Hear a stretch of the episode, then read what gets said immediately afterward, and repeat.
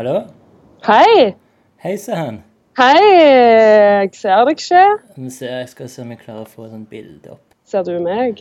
Nei, jeg ser bare bilde av deg. Et mørkt skygge. Altså, det er sånn strek over videoikonet. Der ser jeg deg. Ja! Hei! Hei, hei. Lunken. Kaffe.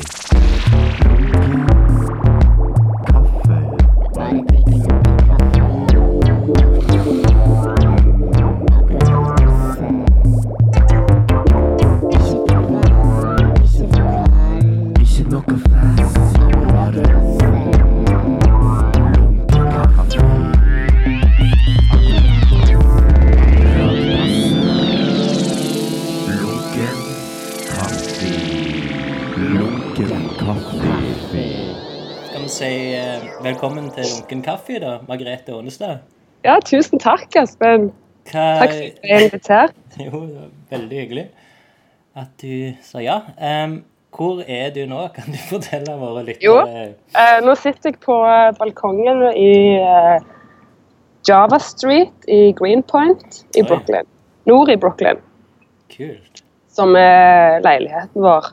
Heimen vår her. Mm. Har vært her i godt over en måned, og så skal jeg være en måned til. Hva jobber du med, eller gjør du, eller ferie? Nå er det ikke ferie faktisk ennå, men vi, vi bor jo her halve året, så jeg er her og har vanlig liv, hverdag. Jobber sånn som vanlig med, med kunsten min og det som jeg driver med generelt ellers. Har eh, hverdag. Treffer. Går og kjøper kaffe. går vært og henter eh, klesvasken på laundry, for det må vi jo gjøre her. Vi har ikke vaskemaskin, det er ikke normalt å ha. OK. I, det er Da må du gå ut, på, ut rundt hjørnet på, på den lokale vaskesjappa, liksom, og så putte på mynter og gå og hente det igjen. Sånne ting. Jeg syns du det er sjarmerende, eller eh, Ja, er du lei av det? jeg liker det. Jeg liker det. Alt der inne foregår på spansk, og så er det TV på med fotball, og så er det hun som driver det. Hun sitter i en plastikkstol og tatler med de andre som jobber der, og så er det liksom god gang. Sier du hei, og så smiler liksom. Jeg forstår ikke hva de sier, da, men det går helt fint. Ja, men du forstår Ja, jeg elsker det. Ja, det er et problem. Et problem. Du vasker for mye klær. eh, på Jeg vasker klær og holder på, vet du. Det som er svaret på spørsmålet ditt, er jo at eh, jeg jobber nå Har jeg et studio jeg er i og jobber, så jeg går mye der så mye jeg kan. Er det òg i Brooklyn? Ja, det er lengre sør. Heter West Williamsburg eller Bushwick. Kjenner du til ICP? ICP? Ja, eh, en- Insane Clown Posse? Instagram. Nei, men det er sånn hvis, altså Mange kunstnere vil kjenne til det fordi at okay. Oka har en eh, residens der på vegne av, Mm. av Norge. Yeah. Uh, og jeg er ikke på den, men jeg er i samme bygget. Så Ah. jeg er i et bygg med veldig mange atelierer og eh, leier nå i fjerde etasje av sammen med noen andre, da. Som er et sted der jeg kan jobbe når jeg er her. Mm. Det føles veldig bra. Eh, det er liksom viktig å ha en plass å gå og gjøre ting. og ikke minst òg her så er det veldig sånn eh, normalt at du inviterer liksom kuratorer eller gallerister eller folk som skriver, eller at du, at du inviterer på studiovisits. Det er liksom en ting. Ja. Det er viktig at du har gjerne en plass å invitere folk til, for folk vil veldig ofte. altså De greier det. Mm. Kuratorer reiser liksom rundt og drar på besøk til atelierer hele tida. Ja. Du- er begge deler, du? Kunstner Ja. og kurator? Ja, jeg er jo det. Det er helt Mm. sant. og det er jeg jo fordi at jeg, er- jeg er kurator gjennom å drive prosjektet Nordmanns. Mm. Eh, og så har jeg jo vært eh, gjort en del kuratoriske prosjekter før jeg begynte med det òg, så jeg er jo absolutt jobber jo med kuratering på mange plan. Mm. Eh, så klart det har òg vært en del av det når jeg er her. Er det jo ofte gjennom nettverket her òg at vi har invitert til Stavanger, til, kunstnere, eller faktisk andre kuratorer som jeg kjenner her, som, eller vi har truffet, meg og Elin, som har invitert til å komme og gjøre prosjekter i Stavanger. Så klart jeg òg har jo på den eh, hatten da, hele veien når jeg er her. Begge her? Ja, men det er veldig viktig å, gjøre, å få gjort egne ting. Til syvende og sist er det det som er aller viktigst for meg, da. Det er jo Mm. å jobbe med egne ting. Ja. Men deler du opp det sånn f.eks. i uka der du har tre dager med kunstneren Margrethe og tre dager med kuratoren? eller? Nei, det, nei det, går, det er veldig vanskelig. Mm. Det er jo noe som eh, altså Akkurat nå i sommer så er det ganske rolig. Og jeg kan få fokusert ganske mye på egen produksjon og tankevirksomhet. Eh, eh, fordi at vi har ikke så mye som kommer liksom i Prosjekter Nordmanns i august og september. og i, Vi har ikke noe som skjer før senere i høst. Vi har jo hatt veldig mye program, og vi har jo òg eh, deltatt på kunstmesser, Mm. sant? både i USA og vi var jo i Moskva i fjor. og Der er jo ofte prosjekter som har eh, strukket seg over administrativt over, mange, over veldig lang tid. Sånn at jeg har jo ofte, Når jeg er her, så jobber jo jeg med Elin med veldig mye prosjekter Nordmanns Ja. daglig. Er hun eh, hos deg òg, eller er hun i Stavanger? Nei, Elin er nå Elin. Hun flakser rundt i Oslo, tror jeg nå. eller, nå. Eller ja, hun er i Norge. Jeg er her med Stein, Ja. mannen min, så det er vi som henger ut her.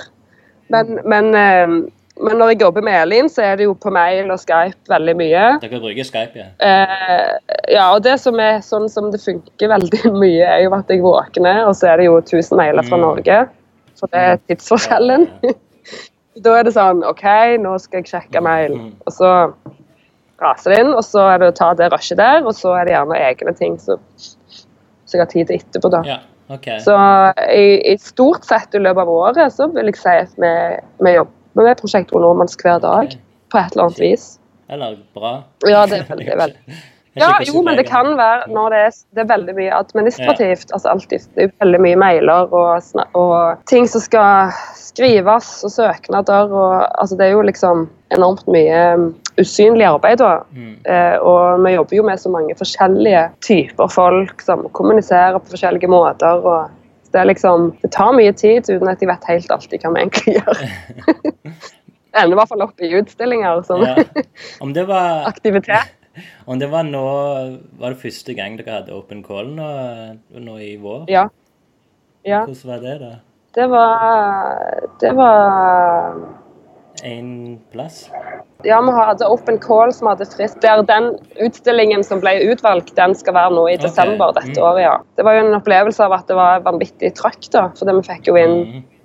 hva var det, 230 søknader Ja, fra hele verden. Det sier jo egentlig òg litt om hvor stort behovet er for utstillingssteder. Men vi var jo heldigvis ikke jury sjøl, da. Å nei. Så det, fordi, og det gjorde vi litt bevisst, fordi vi tenkte at altså, det, vi kjenner så mange, og vi visste mange vi kjenner kommer til å søke, og vi er i en by som er altså, i Stavanger, og det, ville, det, ville, det var liksom greit at noen andre som ikke, er, ikke kjenner så godt til spesielt det lokale og nasjonale miljøet, da var jury, så vi inviterte to kolleger som driver et sted i Miami OK. Som heter Dimensions Variable, der, som jeg har samarbeidet med før på andre måter. Og De eh, syntes jo det var kjempeinteressant, og de syntes jo det var kjempemye eh, bra kunst å se gjennom. Så sånn, Det var jo også positivt, for dette kan jo være at de ender opp med å invitere noen av de har sett Mm. til Miami på et eller annet tidspunkt. Eh, Ja, det var kult. Men med, de endte opp med å foreslå en svensk kunstner Yeah. Så vi ikke hadde visst om eller sett til før. Mm. Så det var supert. Men jeg tror, jeg tenkte litt på det. Jeg tror at for lenge siden, i 2012, når vi ikke visste hva vi holdt med i det hele tatt Egentlig, for vi startet jo Prosjektet Nordmanns sent 2010, tidlig 2011. OK. Eh, og var helt sånn at Du begynner jo bare med noe, for du liksom har en god idé og masse pågangsmot. Men, Men eh, eh, kan- da tror ja. jeg vi inviterte I 2012 inviterte vi til søknader, liksom. OK. Bare sånn Eh, bare for å, å gjøre det på Facebook, den måten, liksom. liksom. Men det òg Ja, jeg husker ikke helt hva vi gjorde. At det var jo et enormt rush med søknader fra overalt og hele landet. Og OK.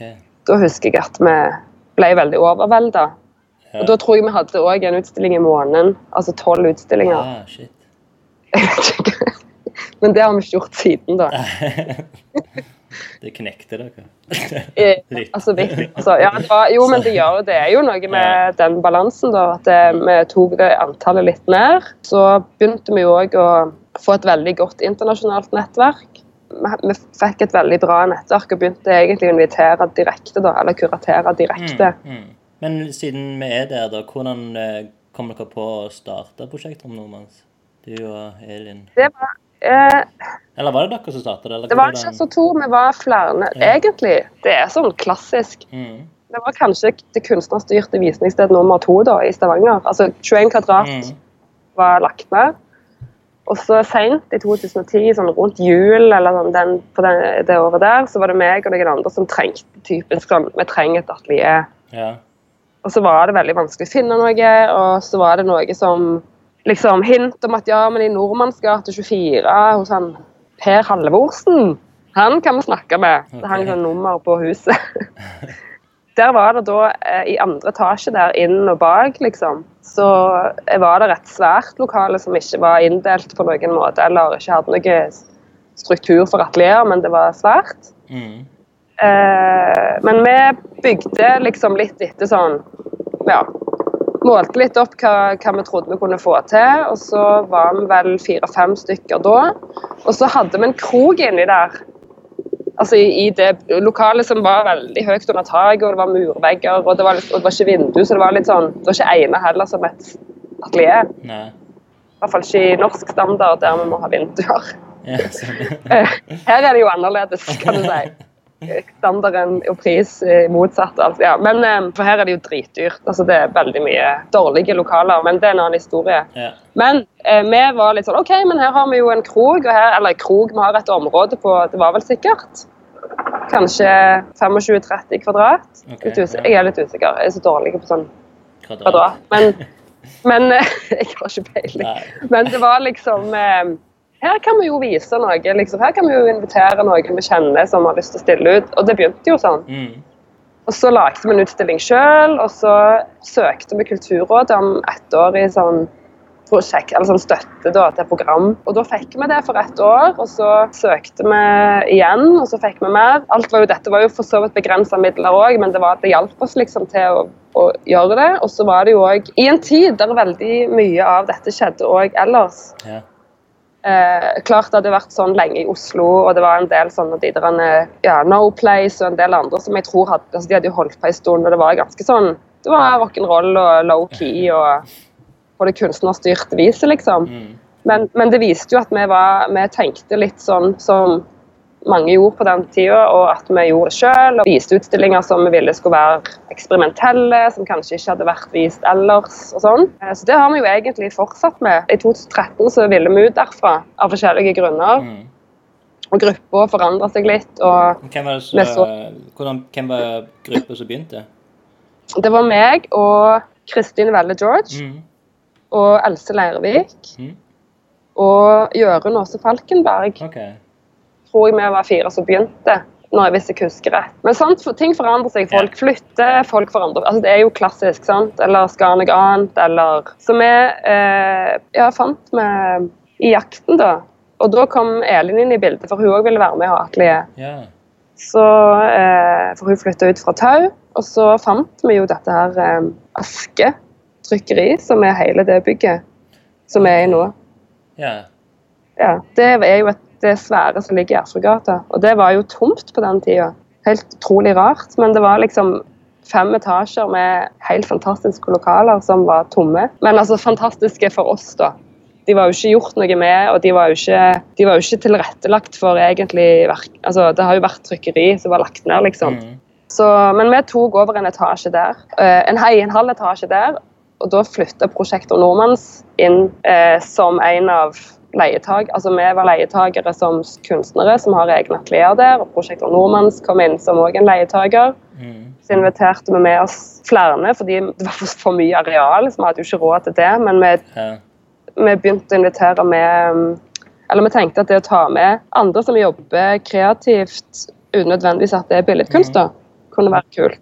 Så vi, så vi fikk med oss fotografer, filmprodusent, eh, arkitekt, eh, designere ja, og andre, altså og billedkunst og skribenter og sånn. Så fikk vi til å bygge en del eh, vegger og sånn der, og så utvida det seg til sånn at vi overtok hele etasjen etter hvert. Men det er liksom elefantkonseptet, da. Mm. Det er egentlig rett og slett et non-for-profit arbeidsfellesskap eller lokale for kreative virksomheter. Der Prosjektor Nordmanns er en av de, liksom. Så øh, nå er vi der, inni der. Du har jo vært der. Ja. Det har jo skjedd veldig mye siden 2010 og med prosjektet Nordmanns, og Mm. det er jo liksom åtte år, da, når jeg tenker meg om Det er ganske sterkt.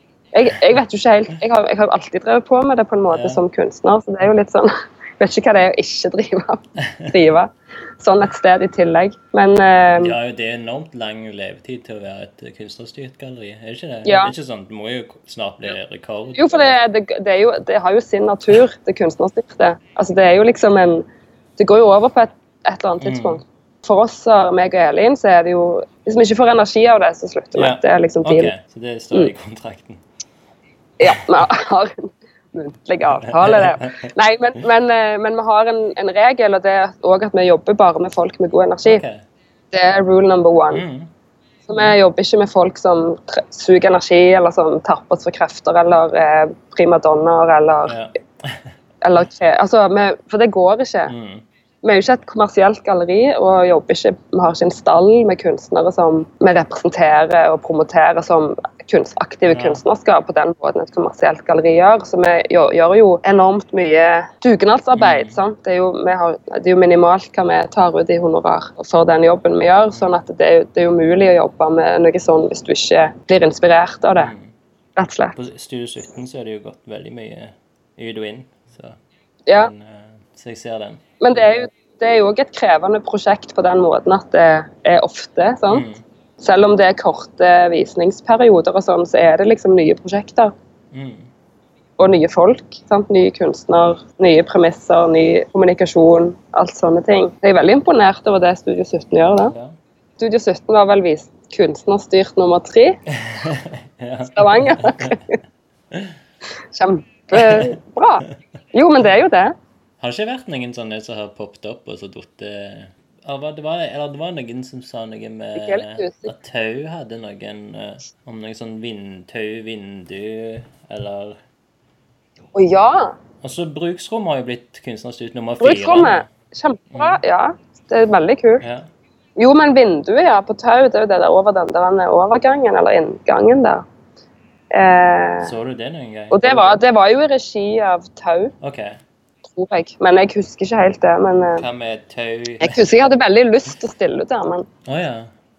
ble ikke, fikk aldri noe. Det varte ikke så lenge. Fikk ikke bitter.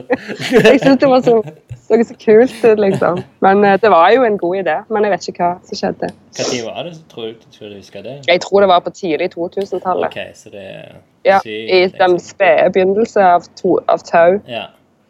som eh, Ingen husker. Og en lang historie.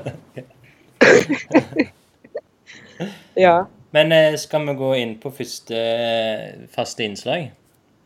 OK. Det er lunkent bekjentskap. Ja. Hei sann! Hvem er du? En ny venn. Vær hilset, min nye venn. Hvordan kjenner vi to hverandre? Så trivelig med nye bekjentskaper. Gøy. Hvordan kjenner vi hverandre? Jeg har tenkt på det. Ja, du, du visste den skulle komme. Det er den eneste faste innslaget, faktisk. Som Ja. alltid er med. Jeg har ikke sovet, vet du. Bare helt Hvor, hvor har jeg hatt fyren fra? jeg, jeg vet hvor jeg hørte om deg første gangen. Jeg visste okay. ikke hvem du var. Nei, okay. Hvis jeg skal begynne, da. Mm. Vær så god. Ja. At Line Anda Dalmar Mm. Fortalte at det var en som holdt på med sånne tegneserier fra kunstmiljøet i Stavanger. Og det var veldig løye. Okay. Og Han het Espen, og så var hun med i noe. Eller hun hadde vært med i et stripe, eller hun følte at det var hun, eller det var hun. Ja. Da hørte jeg om deg, liksom. ja. Jeg visste ikke hvem det var, og så skjønte jeg etter hvert hvem du var fordi jeg så deg rundt omkring. Så tror jeg kanskje vi hilste for første gang på Prosjektor Nordmanns. Ja, det har vi sikkert gjort. For eh, jeg, jeg husker at jeg var innom der et par ganger eh, for hun Ingvild Eikeland Melberg. eh, Ja, stemmer. Hun hadde jo plass der, eller lånte et bord der, eller noe sånt. stemmer. Jo, hun leide. Mm. Hun leide et bord. Da, Hun satt jo hos oss. Mm. Ja. da var jeg av og til For hun var liksom venn av meg, så hun Ja. hun gikk innom, og da traff jeg på deg, både deg og Elin. Ja. Gikk og sprang Ja, ja. rundt omkring. Og, Ja. hilste sånn hastverk. Ja, Dere var veldig sånn opptatt Det er jo alltid, alltid sånn himla kaos. Altså.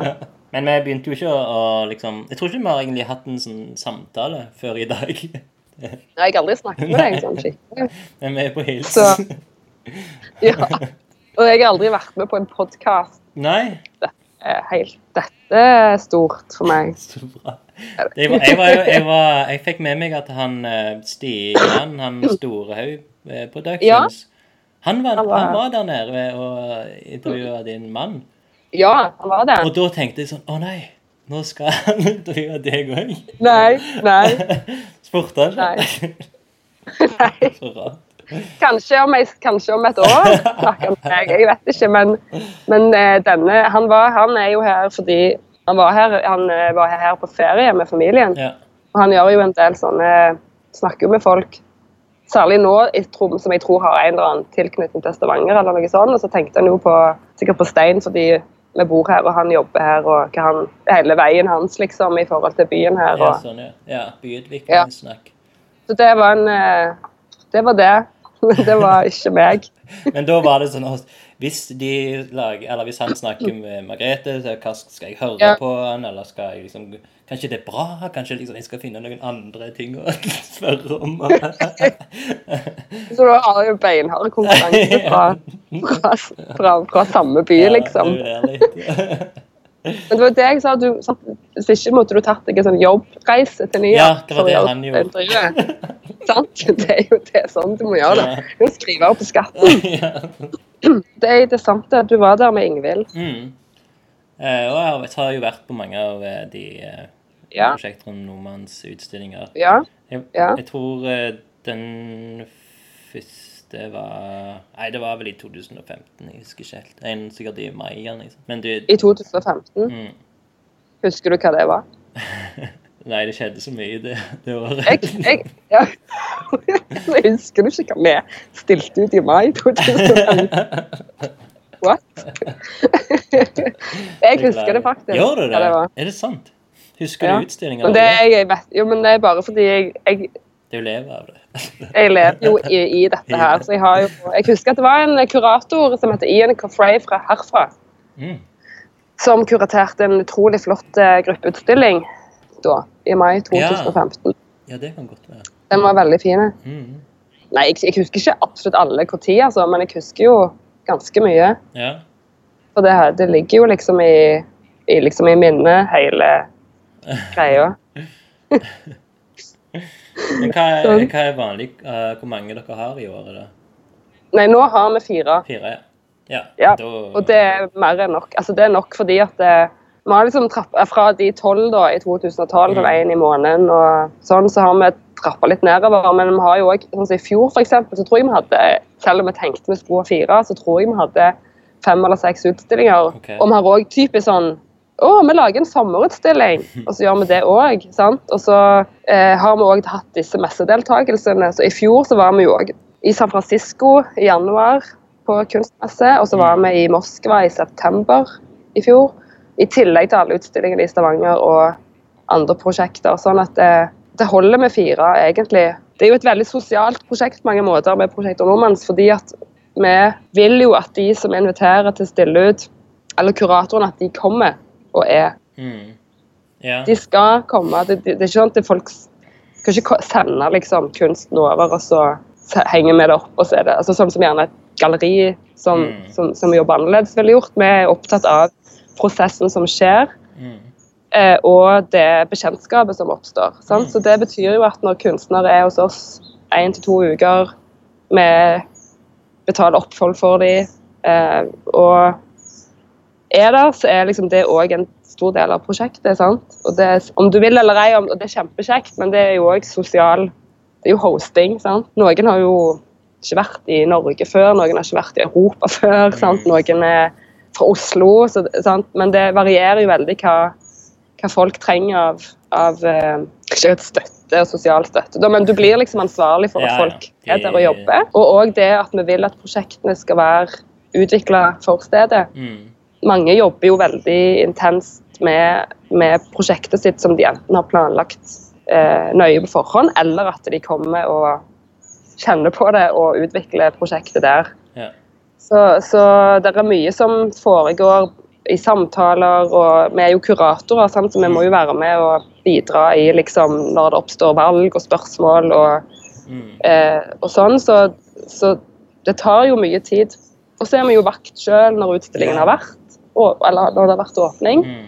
Det har, blitt, det har blitt veldig mye, da, men det har blitt veldig mye av formidling som foregår utenom åpningstidene. Fordi at vi får veldig mange som kommer vel til utstillingen utenom de to helgene vi har åpent, og det er jo veldig bra. Men er det, er det på ringing, da, eller? Ringe eller sende mail eller på Messenger eller sånn. Og det er jo noe vi har lagt opp til. Vi gir jo beskjed om at det utenom de åpningstidene Mm. som er fast de helgene, sånn og sånn, så har vi liksom etter avtale. Og det har vi jo gjort med vilje, fordi at da kan vi jo styre det egentlig sånn OK, ja, da er jeg på atelieret mitt, da kan jeg ta imot og vise utstillingen. Men det tar jo Det betyr jo en slags Det krever jo en viss fleksibilitet.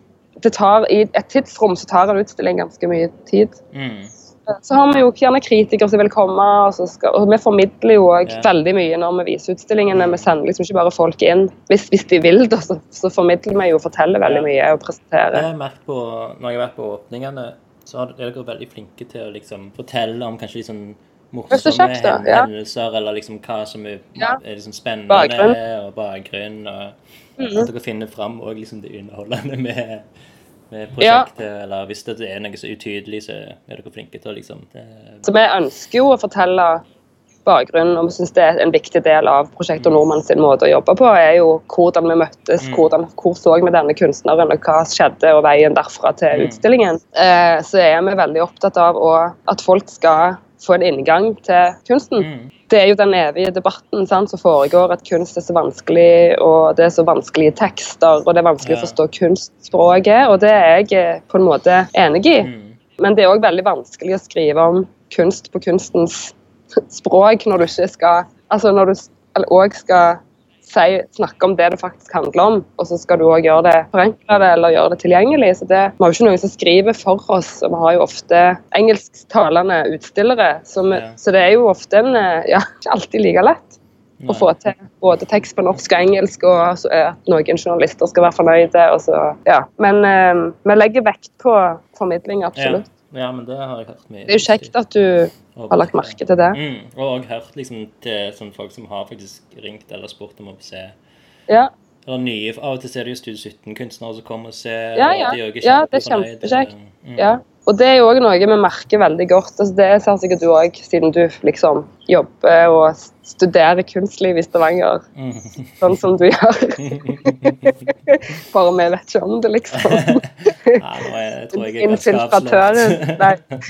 Nei, men at, at de siste årene så har det jo skjedd veldig mye bra, og det er en veldig positiv eh, utveksling mellom oss som driver med de institusjonene som holder på. Mm. Sånn som Studio 17, oss og sånn som Kunstmuseet, Kunsthallen eh, og Geir på Kunstsenteret. At liksom når, når vi eller de har folk på besøk, kunstnere eller kuratorer eller noen som kommer til byen for å besøke oss, så sender vi de jo til de andre. Og motsatt. Og det merker vi jo veldig godt. at Mm.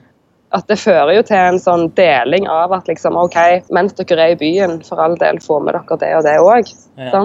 Får jo sånn Hanne Beate eller Hanne eller Geir sender jo folk over til oss som gjerne kommer fra en helt annen plass og skal til Stavanger av en annen grunn, men så er de innom hos oss, og da tar vi jo imot dem. Det syns jo jeg er veldig fint. da. Og så har du jo CAS, altså Contemporary Art Stavanger, som faktisk inviterer og har disse skribentene som kommer og skal liksom være i Stavanger og skrive om det som foregår og sånn. Og det er jo superviktig. Ja. Og de sender dere alltid Nei, sender de alltid til dere? Ja, altså KAS har jo òg en plass hos oss. Astrid Vindingstad, som, som er er medredaktør i KAS, hun sitter hos oss. Okay, yeah. Ikke fulltid, da, men hun sitter en god del. Og da har hun med seg ofte de. Mm. Så sitter de litt hos oss, og så blir de presentert for konseptet og alt sånn. Er det ennå sånn på Elefant at det, folk kan leie seg inn sånn en måned? Ja. Det er kult. Eller ei uke, eller, en dag, eller ja. Hvor mye koster det for en dag? Eller, det vet jeg ikke helt. Hvem bør folk kontakte? Altså, jeg sitter bare inne på eiersida. Jeg bryr meg ikke om sånt. Nei, det er bare tull. Nei, men jeg vet faktisk ikke helt, for det, det er Tom Isaksen som er daglig leder. Han okay. har de tallene. Ja. Og jeg tror det står på nettsida vår. Okay. Eller det står på nettsida vår. Elefant sin. Elefantworkspace.com. okay. Jeg har jo lagd den nettsida, så jeg burde jo huske er det sant? Ja, for det, det hørte jeg nylig, at du er sånn eh, nettsideunderviser på kunstskolen i Rogaland. Ja. mm. Det er jeg òg. Eller jeg jobber jo på, på kunstskolen i Rogaland sånn individuell, vel, individuell veiledning for Ja. de på andre trinnet. Sånn, det gjør jeg noen uker i året. Og så, når de er ferdige og har liksom hatt avgangsutstilling og har jobba hardt med det, Mm. Så er de allikevel ikke helt ferdig med skolen. Og da har jeg de siste, en av de siste ukene der jeg underviser i Eller setter de inn i litt sånn konseptet nettside, liksom. Hva, hva kan det være, eller er det? Ah, det er sånn det er. Mm. ja, at det liksom Du viser ikke sånne koder og Nei. eller Trenger ikke koder nå. Du kan bruke stress. Jeg hater koder. Jeg prøvde det på, for mange mange år siden, men da mista jeg det helt. Det er helt forferdelig. Men når, når eh, Squarespace kom, for eksempel, og den type eh, verktøy, plattformer, så løsna det. Og det er jo en veldig intuitivt og mer designbasert måte å Mm. jobbe på, som jeg forstår, da. I hvert fall. Og det er et veldig bra verktøy å sette studentene inn i. Så da snakker vi liksom om ikke bare nettsider, men òg hvordan framstår du nå når du er ferdig på kunstskolen. liksom. Det er jo ikke alle som skal inn på akademi, f.eks. Ikke alle som kommer inn. Kanskje det er noen som ikke kommer inn, men skal, skal søke om igjen. Mm. Og da er det i hvert fall kanskje greit å ha portefolioen sin på online. Eh, og så er det jo Noen trenger bare en enkel portfolio fordi at de jobber med kanskje De har god dokumentasjon av kunsten sin og trenger en plass å ha det, men så er det jo noen som jobber eksempel veldig tett opp til f.eks. webestetikk i kunsten sin, eller webkommunikasjon, Ja, eller digitale eller sosiale medier-aktig eh, konsept i kunsten sin. Så da er det jo òg en nettside kan jo også være nesten som et verk i seg sjøl. Så, Mm. Ja, det- så da snakker vi om det. Og så, ja, det er veldig kjekt. Jeg liker veldig godt å jobbe på kunstskolen. Ja. Syns det er superinspirerende og krevende. Har du gått der sjøl? Yes. Ja, du gikk der, ja. Ja, det er sykt lenge siden. Og jeg var så unge, og det var en helt annen greie. Jeg var, gikk i 93 til 95. OK. Ja. Men da, var da var det en, eh, en helt annen ting. Altså, det var veldig bra. Og det var i Østervåg, der med Mikado. ja, stemmer det. Etasjen over der var vi. Og så var vi på Nytorget, der som nå Biblioteket. Ja, det er vel ingenting der nå, forresten. Nei, kunstskolen er bare i uh, Bergelandsgata nå. De skal vel kanskje opp der i, i planen, er ikke det? Eller? Ja, kanskje. Ja, Jeg vet ikke hvor mye som er lov å si, eller hvor mye de vet sjøl. Nei. Nei. Men det er iallfall en eh, Det var en eh, Eller når jeg begynte der, så var det jo jeg det var fantastisk. Hæ? Ja, ok. Ja. Nei, om det var Nei. Siden du sa det var så ung og redd. Ja. Jeg var jo Altså, jeg var jo 18 år, tror jeg. Ja, Og det er jo ganske ungt å begynne i å kaste rett ut i sånn konseptuell tenking. ja sånn. Og litt sånn sarte sjel som bodde på Randaberg. som mamma og. Nei, men det var liksom eh, det var, Jeg ville jo det så er sinnssykt. Og Det, det var jo det jeg ville i livet. Det var jo å begynne på kunstskolen. Oh, ja, Eh, hørte det var, det før, ja. var jo liksom eh, Hvor gammel var du når du fant ut at det her ville jeg i livet? Begynne på kunstskolen? Jeg har liksom visst helt siden jeg var liten at jeg var kunstner. Okay, wow. Det var liksom bare en sånn intuit, altså en sånn følelse av at det var jeg. Så jeg har alltid Mm. vært veldig opptatt av det. og alltid følt at det var, eh, Jeg følte meg helt hjemme i det. Altså, jeg aldri, har ikke vokst opp med å bli oppdratt Jeg har ikke dratt, blitt dratt med rundt på museer og gallerier eller noen okay, ting. nei. Men, eh, men eh, hadde en sånn enorm dragning mot kunst og alltid vært veldig opptatt av musikk. Mm. Sånn, men når jeg begynte på, hvis jeg var ferdig med ungdomsskolen på Randaberg, og alt det, så liksom begynte jeg på Forus videregående. Den skolen eksisterer jo ikke lenger.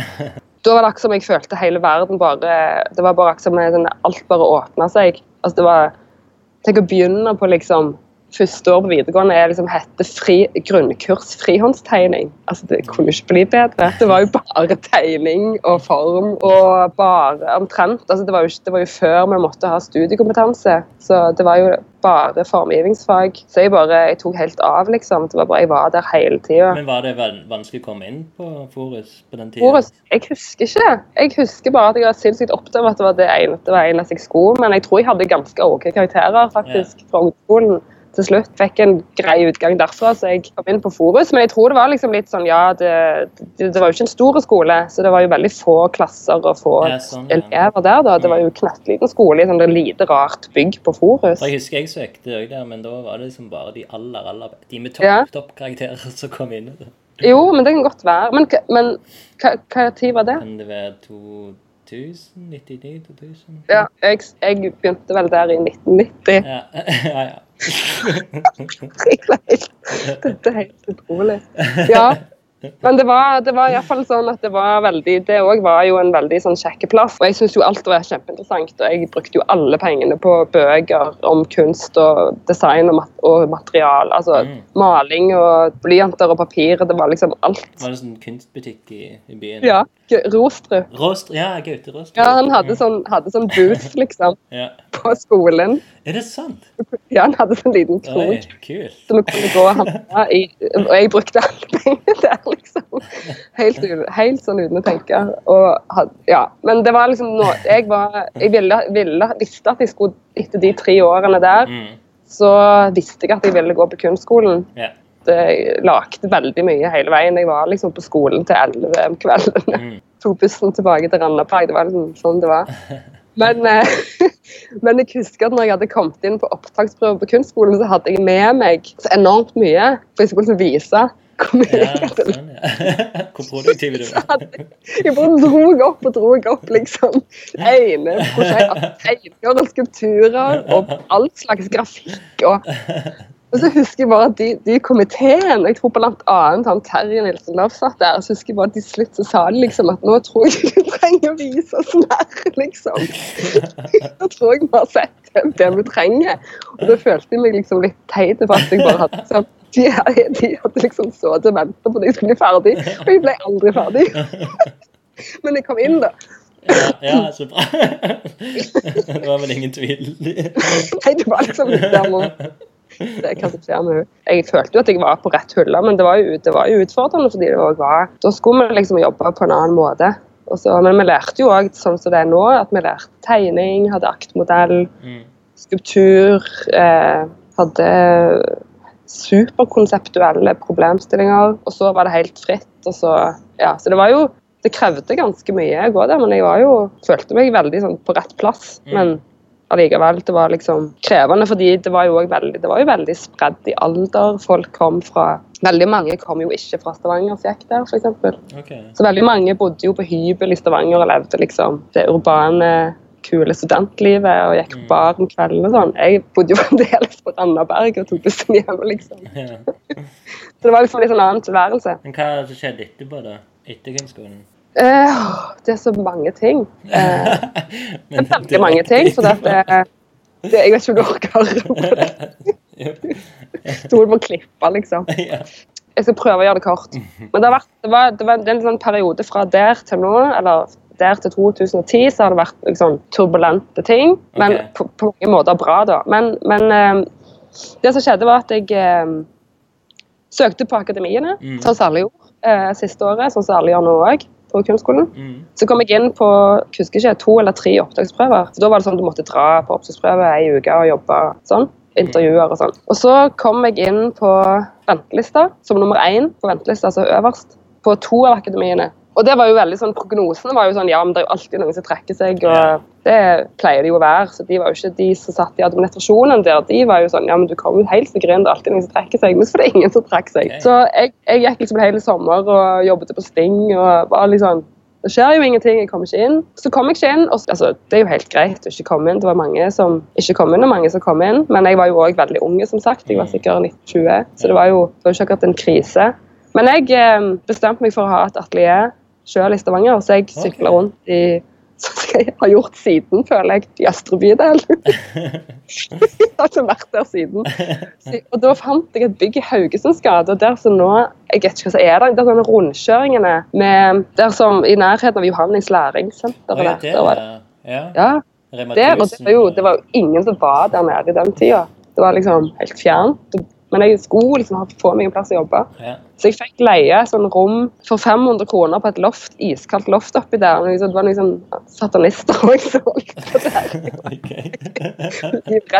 De leide for satanistvirksomhet. Ja, jeg vet. Men det var en sånn bygg, bygg, eh, byggselskap som jeg leide av for 500 kroner måneden. Som sagt der, Så jeg var der et år og jobbet, og så søkte jeg igjen på akademien. Og så, men jeg kom ikke inn, og så var jeg sånn fuck det. Egentlig da da var jeg litt sånn OK, jeg skal ikke være kunstner, det er ikke det som er min eh, greie. Eller kanskje jeg skal gjøre noe annet, i hvert fall. Så jeg begynte på kunst- og kulturformidling på Høgskolen i Stavanger. Okay.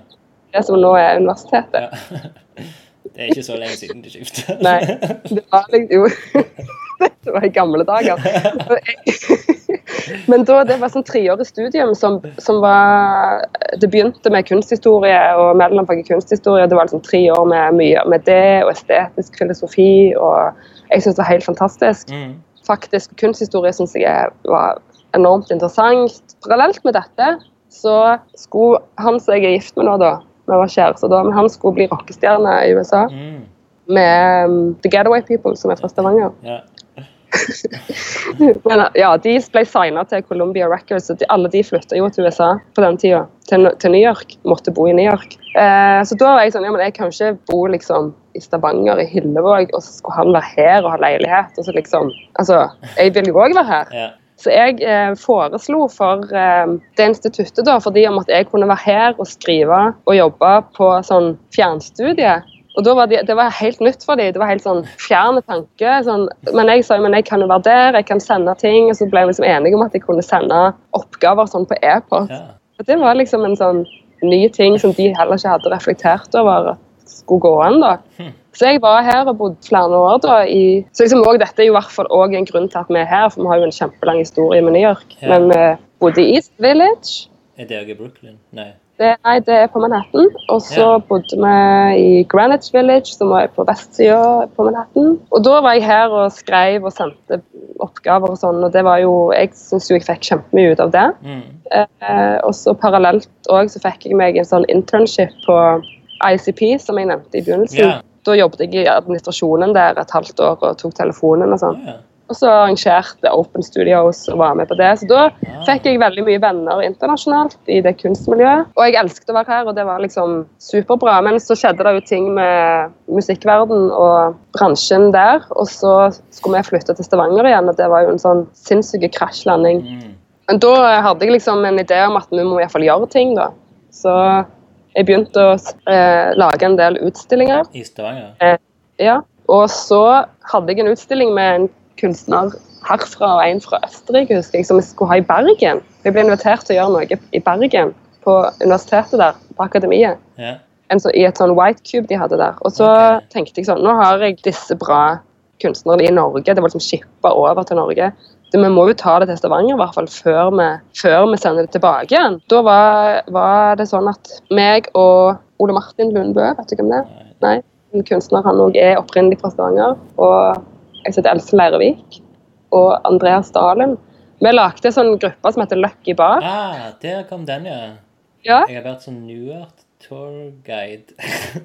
Ja, wow. Da nevnte Da ble det nevnt. Da nevnte jeg Jo, men det er jo, det er jo sånn kjempe... Er derfor jeg spurte om du gadd å høre på alt dette, for det er jo en lang historie. Ja. Vi hadde bestemt oss for å starte litt sånn kunstner-slash-kuratorgruppe. Mm. Og da hadde alle de andre de hadde gått ut av akademiet i Bergen. Jeg hadde jo på en måte lagt vekk eh, utøvende kunst, Margrethe, men jeg var veldig sånn, jeg følte jeg hadde veldig mye kontakter. Jeg likte å organisere og at, altså, få ting til å skje. Og jeg var så kjempedrit å flytte tilbake til Stavanger. Er? Nei, jeg husker ikke. Kanskje 25 eller 26. Ok, ja. Ja, noe sånn. Og så um, husker jeg at vi sykla rundt igjen i Østre bydel og tenkte vi må få en, finne noe, et lokal å ha en kul utstilling i med disse to som jeg òg hadde hatt i Bergen. da. Mm. Og så fant vi nedlagte tau som hadde stått tomt i 20 år. Yeah. Da var det ingenting der, det var ingen helt tomt, og det var liksom skikkelig øde. Og så syntes vi det så så bra ut. Og, så var, og dette var jo 2000 eller 2001, husker jeg ikke helt. Mm. Da var det liksom eh, Vi fikk vite at Kristin Gustavsen var ei vi burde snakke med. Hun drev Urban Sjøfront, byutvikling, som òg hadde begynt å skje i Østre bydel. Hun da var liksom eh, hadde plutselig, Hun hadde parallelt med at vi kom og sier hei, vi har en kjempebra må du ha en utstilling inne i de lokalene på Tau, og er han, på det gamle bryggeriet. Og da hadde hun samtidig eh, vært i dialog med Nils Henrik Asheim, som hadde snakket om å skape noe innen musikk. Hun hadde snakket med eh, Saft Film, som var et filmselskap som holdt til der nede. Hun hadde òg vært i dialog med Siv Reinhardt på Helen Hard, som akkurat hadde en idé om et eller annet. Det som det endte opp med, da, var at vi gikk sammen om å lage Altså, vi fikk midlertidig lov å låne den, eh, det rommet som er foran ølhallene. Der som nå òg er Der har vært ut, der er jo utstillinger, men det som, Ja. med en gang du kom inn, det ene rommet der Mm. der eh, var det jo helt øde og rått. Der bare rydda vi. Der hadde vi kunstutstillingen. Og så fikk vi lov å låne det ene. Der så du går opp trappene når du kommer inn på Tau. De flotte, fine trappene. Det er scene én eller to. Det lille. Eh, Jeg vet ikke. ja. Ja, Der fikk vi lov å ha eh, DJ Lindstrøm, en god av oss, som eh, kom og spilte. Og så hadde vi liksom to helger da med eh, egentlig litt sånn at vi, hadde, vi okkuperte på en måte Tau og gjorde ting der. Og så var det over, på en måte. Men det var et sånn slags et skikkelig sånn underground-eksperiment. Ja. Eh, ja, det var kjempekult, og det kom jo enormt mye folk, og masse folk vi ikke ante hvem var. Og ordet spredde seg, så det var jo hundrevis av folk. Og vi var jo helt uforberedt på dette, men det var veldig gøy. Stilte du ut sjøl der? Eh, Nei. Da var det bare Jeg, liksom- jeg, ja, da, men jeg eh, hadde jo mer kuratorisk involvering, da. Ja. Men vi, parallelt med dette så lagde jo vi i Lucky Bar vi lagde noen bøker, kunstbøker, og lagde et eget forlag og liksom gjorde sånne ting. Hvor kan vi finne sånn, disse bøkene? Eller går det an liksom, å se? De er på noen biblioteker, faktisk. Men jeg har, jeg har noen. Ja. på. Ja, ja. så. Så Nils Henrik og hun Kristin Gustavsen, og det var en del folk som hadde mer strukturelle hoder. Som begynte å se for seg, og, og, og de i Helen Hard og sånn, Mm. eh, og begynte å se at kanskje Tau Scene kan bli en, en kulturell liksom et sted. Da, Ah, wow. da, da ble det oppretta et interimstyre. Jeg var litt involvert i det, men jeg, det var så mye, da ble det veldig mye sånn snakk om økonomi og midler og, og sånne, sånne ting som jeg egentlig ikke hadde peiling på. Jeg ville jo bare jobbe med innhold. Yeah. Så jeg datt litt av sånn der og da, men Tau Fort begynte å utvikle seg skikkelig. da. Det var sånn 2001, 2002, 2003. Og parallelt med det så spurte Martin Reed oss, for han hadde jo starta New Music, ja. om vi ville lage en slags kunstfestival da, Mm. parallelt med New Music. Det syns vi var kjempekult. Så Ja. jeg liksom fikk frie tøyler, og det hadde jo ingenting med street art å gjøre da. Nei. Bare at det skulle være samtidskunst. Mm. Eller, og han skjønte jo at vi hadde et nettverk, fordi at eh, vi hadde jo de kontaktene som var liksom rett ut fra akademiene og, og hadde internasjonale linker. Mm. Så vi gjorde det tre år på rad, der vi hadde en, en sinnssykt Jeg vil si ennå er skikkelig stolt av det, men vi hadde tre år med som Det foregikk jo parallelt med New Music, men vi hadde lokalene og de gamle garasjene sånn på Tau. Vi inviterte sånn 20-25 samtidskunstnere, men det var veldig sånn Det var uetablert underground. Ja. Ja, og mange av de har jo, har jo holdt det gående og gjør det veldig bra i dag. Så vi hadde egentlig ganske god, god teft den gangen, men var, det var veldig sånn basert på at vi syntes det var gøy, og vi syntes folk gjorde kule ting. Og så liksom Ja, ja, det, det hadde vært dritkult. Og så gjorde vi liksom det. Og så inviterte jeg jo kuratorer herfra som sendte over kunstnere fra New York, og alle kom. og de, var, de, fløy inn, og, og det er jo det er folk jeg ennå har kontakt med her. Ja. Så, og det er jo nesten altså Det er jo liksom hvor langt, det er jo 15 år siden.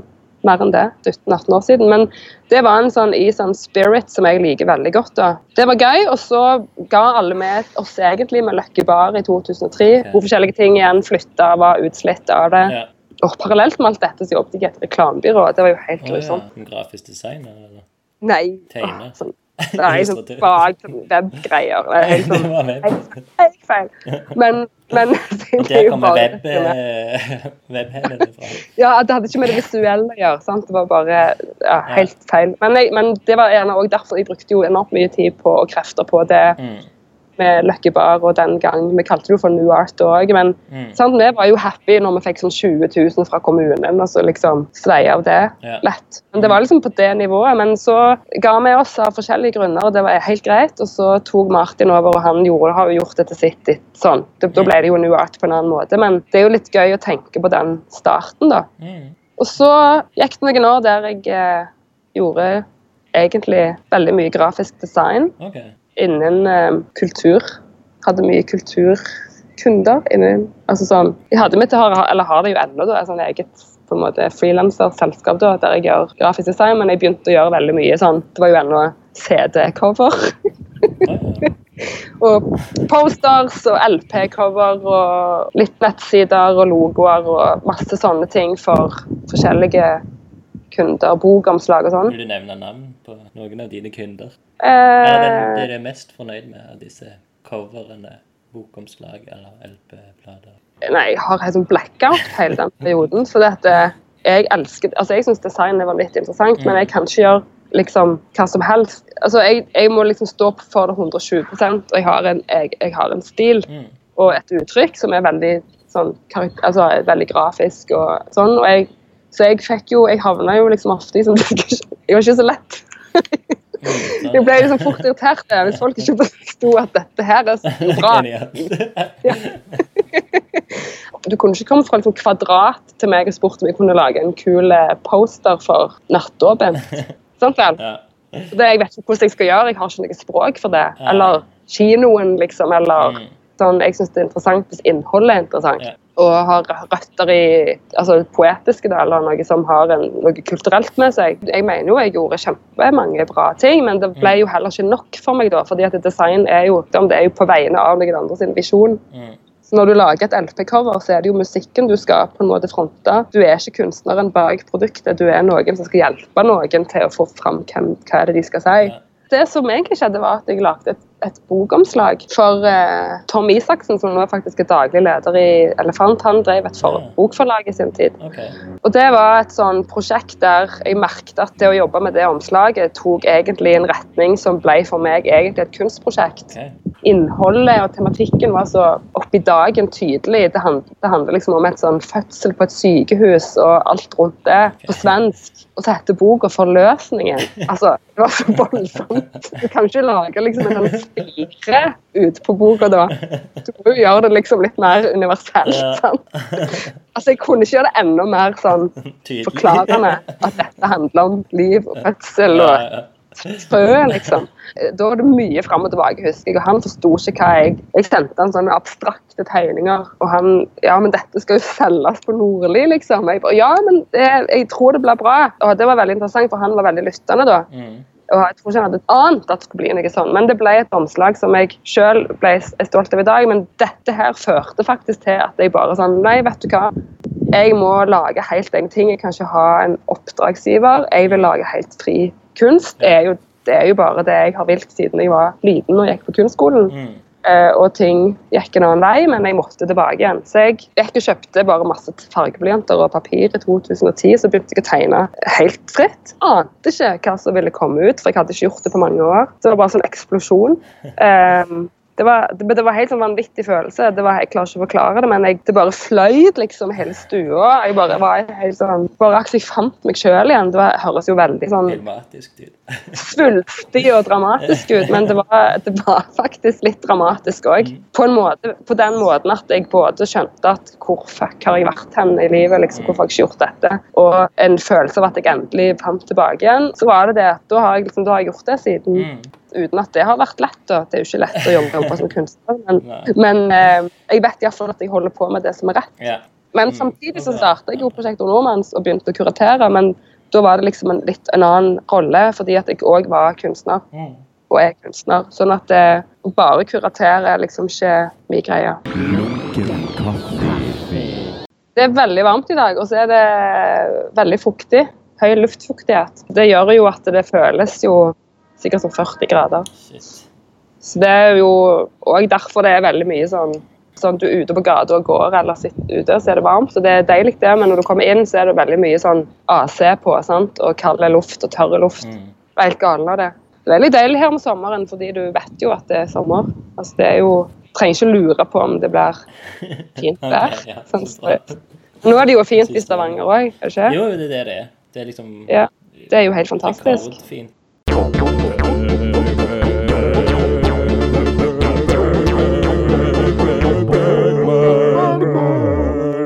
Rekordfint. Altså, du mener filmskaperen, eller mener er, det, er det en karakter i din tegneserie? Altså, eh, du har kanskje merket at eh, de titlene på episodene har litt sånn Mm. svenske titler. Har du sett noen av hans filmer? Det må du vel gjort. Ja, det har jeg gjort. Men det er sånn som jeg ikke ser opp altså, Veldig mye den type filmer så jeg når jeg gjerne var sånn når jeg var sånn i 20-årene. Ja. Og så jeg alt som på en måte var film og filmhistorie. Jeg tok Filmhistorie var òg en del av studiene mine på. Mm. høyskolen.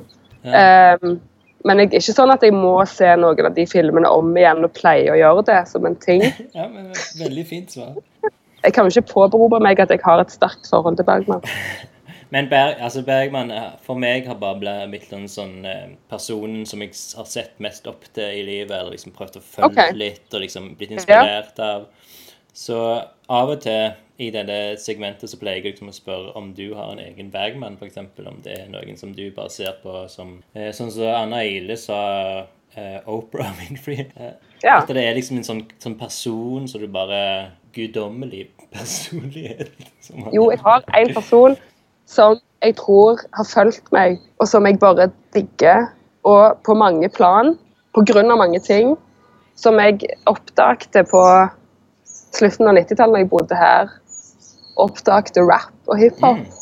Og det Missy OK, kul.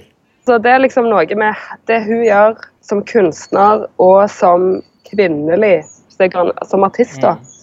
Hvor enormt banebrytende hun er og nyskapende innen den sjangeren. Og hva hun har betydd for det feltet. Mm. Og hvor forutseende hun har vært, og hvor mye hun har skapt som har satt liksom bord og har blitt kopiert. Mye, sant? Altså, hun har på en virkelig vært synes jeg, veldig, veldig, veldig innovativ og skapende. Samtidig så står hun for veldig bra ting i forhold til å være en kvinnelig artist og har gode verdier. Og jeg syns òg er så Altså, de videoene hennes og ja, Hun er bare Hun er best. Ja. Hun har jeg digga siden jeg, jeg Når jeg kom her til New York, som sagt på slutten av 90-tallet, og skulle bo her og begynte å se på musikkanaler her, og så bare kommer alt dette. Alt det. Så tenkte jeg sånn Hva, far, hva dette? Jeg har ikke sett før jeg har bodd i Norge. Jeg har ikke fått med meg dette. Jeg ble helt sånn bergtatt av alt. Av all, hele den verdenen, da. Men hun var en av de jeg bare ble helt betatt av og har elsket siden. Så kult. det. Har hun Mm. lagt musikk i nyere tid? Nei. Hun holder jo på med sånne singler, men det er ikke Det, det aller siste hennes var Jeg husker ikke, men det er ikke, hun gir jo ikke ut et album på kjempelenge. Mm. Men jeg liksom følger jo, følger jo med på det. På, på sosiale medier? Sosiale medier. Så jeg, tenk, jeg, jeg syns bare hun er en sånn veldig inspirerende person. ja. Så kult. Nei, men det Ser så kul ut og har liksom har det. Men hun har, også, hun har jo òg strevd. sant? Hun har jo altså hun har jobba for å komme der hun er, liksom. Mm. Nei, men det er et veldig bra svar. Men det, det som egentlig vi gjør Ja. med Bergman-segmentet, er jo å finne ut den tittelen vi skal ha for episoden vår. Å ja. Jeg har eh, ikke så veldig mange titler igjen, men da skal du velge en av disse her. OK. Eh, Spøksonaten, Mhm, Karins ansikte, mhm. The Serpent's Egg med Misantropen, Riten, Tystnaden, Et drømspill, Djevelens øga, eh, Jungfrukallen, Uveder, Rabies, Troløse, Den gode vilje eller Reservatet. Er det noe som eh, du beit deg merke i? det? Er det noe som Uvæder. Uvæder, ja. Ja. ja. Jeg likte deg, den. Bra. Litt sånn ironisk. Være, ja, men det må jo være motstand i ting. tenker jeg. Ja. Må jo ha Ja, sånn, ja. Ja. Ja, men det, høres, det er jo liksom metaforisk veldig bra. Ja. ja, det ble jo faktisk litt det. Jo, men ja. Nei, jeg tar den. Men da, da har vi tittelen på episoden. Kjempebra. Også, men sånn som nå er vi jo i 2010. Ja. Men altså, den første utstillingen du hadde da, som kunstner aller første utstillingen jeg var med på, var faktisk på 21 kvadrat. Mm. Men det var liksom for lenge siden når de holdt på på tidlig 2000-tallet. Men da var jeg egentlig, da tegnet jeg figurativt og var med i en utstilling fordi jeg kjente Kenneth. og det var liksom, Jeg visste ikke helt hva jeg holdt på med da. Men jeg var iallfall på Var det den alle skulle ha, Men- de små 21 kvadrat Nei, 21 Jeg tror- centimeter? Jeg tror ikke det. for Jeg, jeg tror ikke det var den. Det var, jeg, for jeg husker jeg, jeg leverte Jeg hang opp noen tjue- A4 tegninger der. Mm. Jeg hadde tegnet om noen fot, fotografier fra oppveksten, men veldig banalt. Men eh, Men eh, Er den på jeg CV-en din? Nei. Så, jeg glemte ut. Du må hive den. Jeg, jeg som Jeg var liksom ikke kunstner den gangen. Jeg var bare spurt om å være Ja. Men utstilling i Stavanger Jeg tror at jeg hadde en utstilling på Nordmanns, faktisk. Yeah. Jeg tror det var litt sånn at vi tenkte at OK, jeg var helt ferske og var med og drev dette stedet, og så hadde trengt vi eh, en utstilling da, jeg tror det var i 2011. Mm. Det var i hvert fall sånn at jeg hadde noen helt nye tegninger, men det var da, ja, det var det, men òg eh, i Stavanger så stilte jeg ut med Jørund Åse Falkenberg på Kunstgalleriet ja. på Madlaveien. Mm. For de har sånn juni, sånn to kunstnere, jeg vet ikke hva de helt kaller det, det er liksom to, unge lovende. to unge, lo unge lovende, ja. Så var Eh, så vi okkuperte hele det galleriet der med sånn vanvittige installasjoner og sånn. Ja, kult. Så bare skilte seg nok litt ut fra det programmet deres ellers.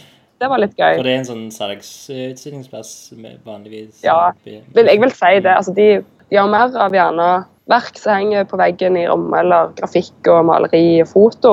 Eh, men vi gjorde noe helt annet og mye veldig sånn eksperimentelt. Så det var, det var faktisk veldig gøy. Det var, for det vi gjorde jo bare det vi ville gjøre. Mhm. da. Men jeg har ikke stilt ut veldig mye Stavanger utover sånn i de siste årene. Jeg må tenke. Men du har stilt ut rundt omkring da, i, i Ja. verden? Og jeg stilte ut en del her i New York Mm. og i Miami ved flere anledninger. København. Another Space, som hun Marte Jølbo drev i sin tid på København, som kjenner Marte Jølbo. Driver KAS. Oh, ja. Nei. Jo, litt forskjellige steder. Jeg var med i utstilling på Costa Rica en gang for noen år siden. En stor gruppeutstilling om ja. Det har jeg. Ja, det har jeg. Den var jeg på. Det var du. Ja. Det er sammen med Kristin Velle George. Mm. Jeg har til og med tegnet eh, at jeg var på den utstillingen, og, luk og lukta på noe verk. Prosjekt det å være på den utstillingen. Nei, jeg har gått fint minne fra den. Jeg husker bare at jeg, luk at jeg, begynte å lukte på noe, for vi hadde vært på, på Sølvberget, der de hadde en lukteutstilling. Oh, ja. så bare sånn, kanskje jeg kan lukte på kunsten her òg. Og så Å ja. jeg Så var det ikke Jo, det var litt sånn pikant lukt på noe av det. på, i, på, på, på Studio 17? Ja. Jeg, vet ikke ikke ja. hvem som drakk hvem. Hva. akkurat. Nei. Nei, for meg og Kristin blanda litt. Eh, altså, Vi plasserte jo ting litt i Ja, for det hang noe fra taket. hang fra taket. og Vi hadde jo vi hadde jo egentlig veldig mye sånn ja, objekter som vi plasserte rundt omkring. Mm. Og eh, litt sånn kanskje malerier eller ja, husker ikke helt. Det er, blitt lenge, det er lenge siden. 2015. Ja. Mm. Kanskje til og med mai. Mai? Nei, det var ikke mai. Juni, da. September. September. September var det. September. Ja, det var september.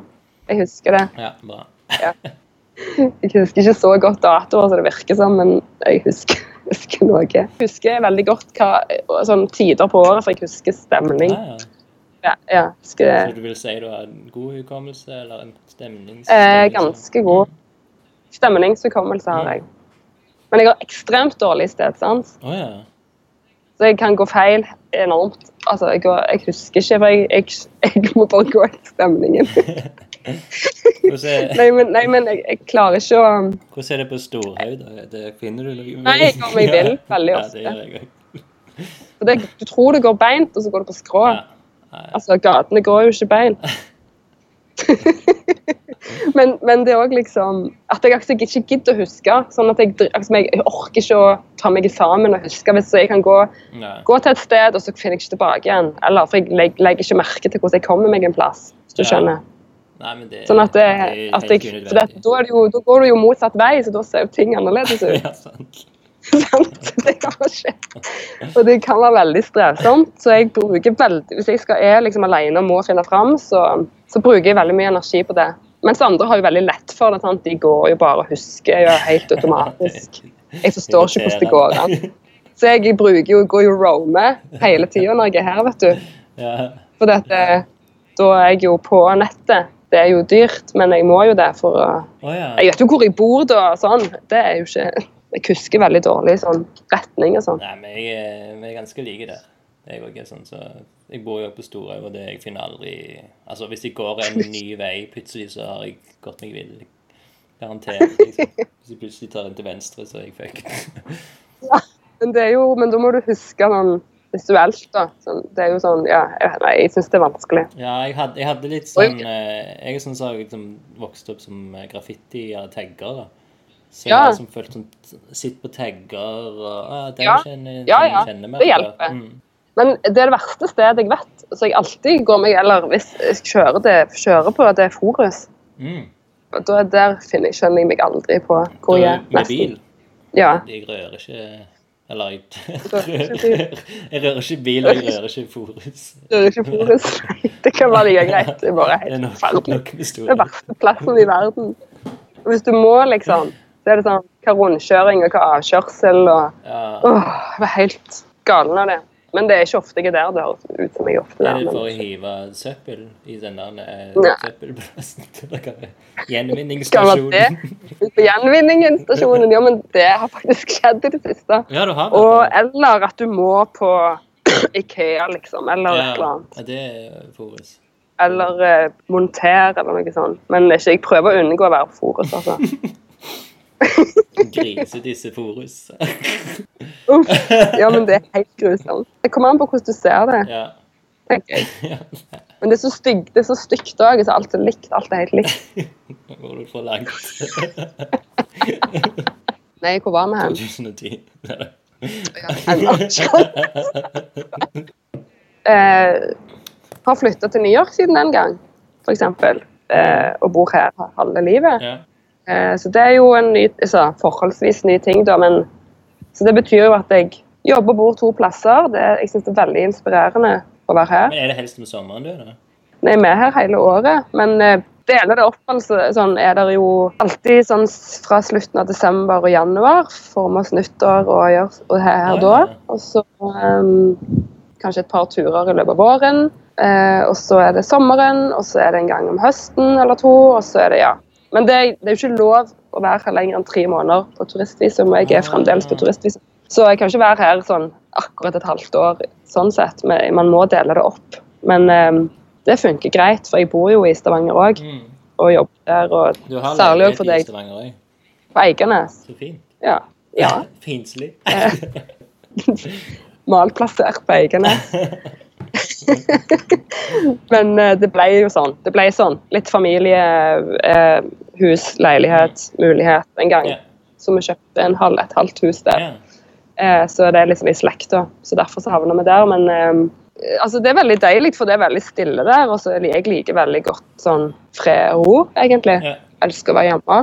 Så jeg har ikke noe behov for sånn enormt urbant, eh, yrende liv, egentlig. Men vil du tilbake til Randaberg? Nei. Nei. Når vi snakker, altså snakker om Randaberg, så er det, det er jo vanvittig fint der. Er det det? Sånn naturen. Ja, ja. Har du ikke vært på Randaberg? Jeg pleier å blande Randaberg og Tananger. Er Så dårlig jeg. Nå må vi snakke med stedsans. Det kan du ikke gjøre. Du kan ikke sammenligne Tananger og Randaberg. Randaberg er en halvøy ja. Som er eh, liksom Hva blir det? Jeg tror det er, jeg tror det er nord for Stavanger. ja.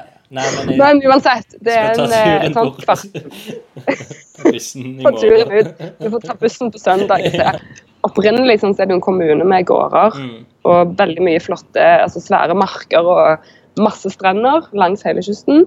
Så jeg har jo vokst opp med liksom, strender og sykler rundt og vært helt fri ute i naturen der. Men det er jo ei bygd som er veldig liten. Sånn, selv om den er større nå enn når jeg vokste opp der, så er det jo fremdeles ei bygd. og det, Jeg kunne ikke tenkt meg å bo der. Nei, det er litt vanskelig å komme seg rundt. Der er jo ikke noe. Nei. Ikke som jeg er interessert i, sånn sett iallfall. Men eh, jeg vet jo folk, folk som elsker å bo der og trives der, men da har de andre behov. Og det er veldig fint der, og det er god kommune å bo i og vokse opp i. Det her kommer jeg til å klippe vekk. Har du begynt å klippe? ja, Allerede? jeg skriver ned tidslinja. Ja, Klipp. sånn, uff, det må ikke. Ja. Randaberg-snakk. Nei takk. Når jeg vokste opp der, så var det jo, da hadde jeg det kjempefint. Men så var jeg også, jeg ble jo en del av et miljø som var veldig kult på, sånn, når jeg begynte på videregående. Sånn, selv om jeg, når jeg da begynte på Forus, så samtidig så ble jeg en del av en veldig sånn eh, litt sånn outsider, kreativ gjeng på Randaberg. Som eh, drev med kunst og musikk og band og gjorde masse sånne ting som var veldig gøy, da. Som ikke var liksom håndball eller bedehuset. Mm. Så det var jo liksom Vi var på utsida av det, og, og det var gøy der. Men jeg, det er lite der, men det er greit. De som trives der, det er helt greit. Ja. Har kaffen din blitt lunka? Ja. Skal vi skåle? Skål. Den er sånn kjempesterke italienske lunka presskannekaffe. Wow. Det, det er godt, det. Hva du har Jeg har Ali kaffe arabisk Å, ja. twist. Ja. Ja. Men eh, Ja. altså, vi er jo ikke helt i synk, så det er litt vanskelig å skåle. Men skål. Skål. Det er den ene løse regelen i lunken kaffe at vi må skåle når Ja. det er lunken. Det er kjempefint. Takk. Ja. Lunken kaffe. Og vi har mange, litt, nesten det samme headsetet. ja, Det ser litt sånn ut. kult. Jeg låner det, da. Ah, ja. Ja. Det ikke like Jeg har, kult. jeg har ikke sånn eget sånn et. Så jeg jeg ødela Mac-en min her for et par uker siden. Ok. Så derfor måtte jeg kjøpe ny. Men det var egentlig greit, for den var så gammel den jeg hadde. Men jeg sølte, jeg satt med regnskap her borte og skulle sende det inn. Ja. Så sølte jeg vann på hele tastaturet. Nei, Og så var det litt sånn hva skal jeg gjøre? Må føne. Hårføner. Og så Og det er jo for så vidt et kjent triks, det, da. Ja. Og Men så ble jeg litt ivrig. så jeg fønte noe veldig på veldig sterke varme, og så holdt jeg på med mobilen samtidig, for jeg skulle sende noen bilder til noen, og så begynte to av de knappene på tastaturet å smelte. Så de bøyde seg, så det ble sånn helt grusomt. De ødela liksom mer enn jeg hadde trengt, men det var Men det, det var litt lettere å være ødelagt. litt lett over at jeg fikk, fikk lov å kjøpe ny. Nei, nei, men det var liksom Jeg, jeg måtte nok kjøpt ny om ikke så lenge uansett, for den var skikkelig Men Hadde du mye ting på den som du mista? i- Nei, men den døde jo helt fullstendig. Jeg har ikke, har ikke vært liv i den etterpå. Men jeg sånn, har alt på Dropbox, egentlig. Okay. Veldig flink å bruke Dropbox. Mm. Det som jeg eventuelt hadde på med den Mac-en, det har jeg ikke kommet på ennå. Eventuelt hva kan være. Bruker du sånn uh, Google Duck òg? Nei, jeg skjønner meg ikke på det. Jeg har nettopp lært meg det. Det blir så stressende når folk holder på med det. Jeg skal slutte. Jeg bare Men jeg, men jeg prøver jo. Altså, jeg er jo med hvis jeg må, men jeg, men jeg, jeg, har, jeg har ikke noe sånn jeg, Det blir enda en ting. Det holder med Dropbox. Ja. Det er sånn innlogging og passord og ja. Passord òg er, er veldig Det er noe drit. er noe, noe drit. ja. Eh, skal vi gå over på en ny eh, fast innslag? Skråstrek av og til innslag. ja. Eh, lunken dagbok. Hvordan kan jeg leve med meg selv? Hvordan skal jeg leve med min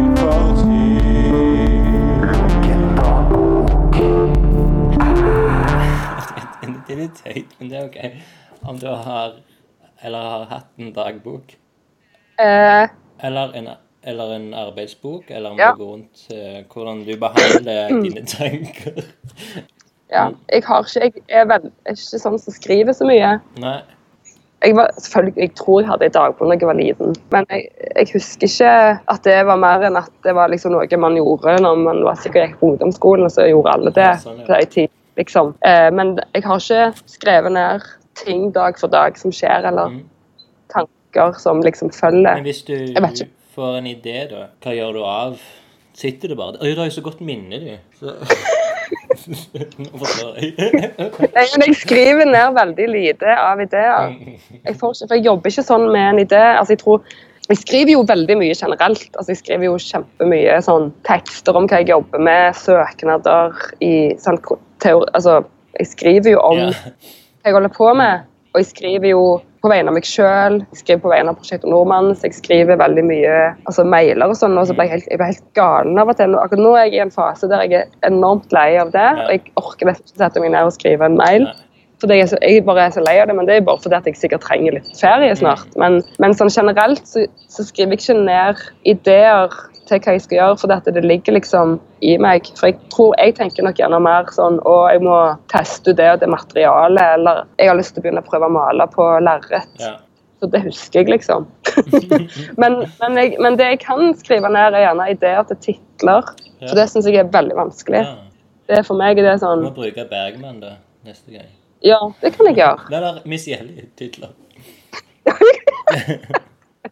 Superduper fly, liksom. På sånn nytt maleri. Nei, men hun er god med titler, hun.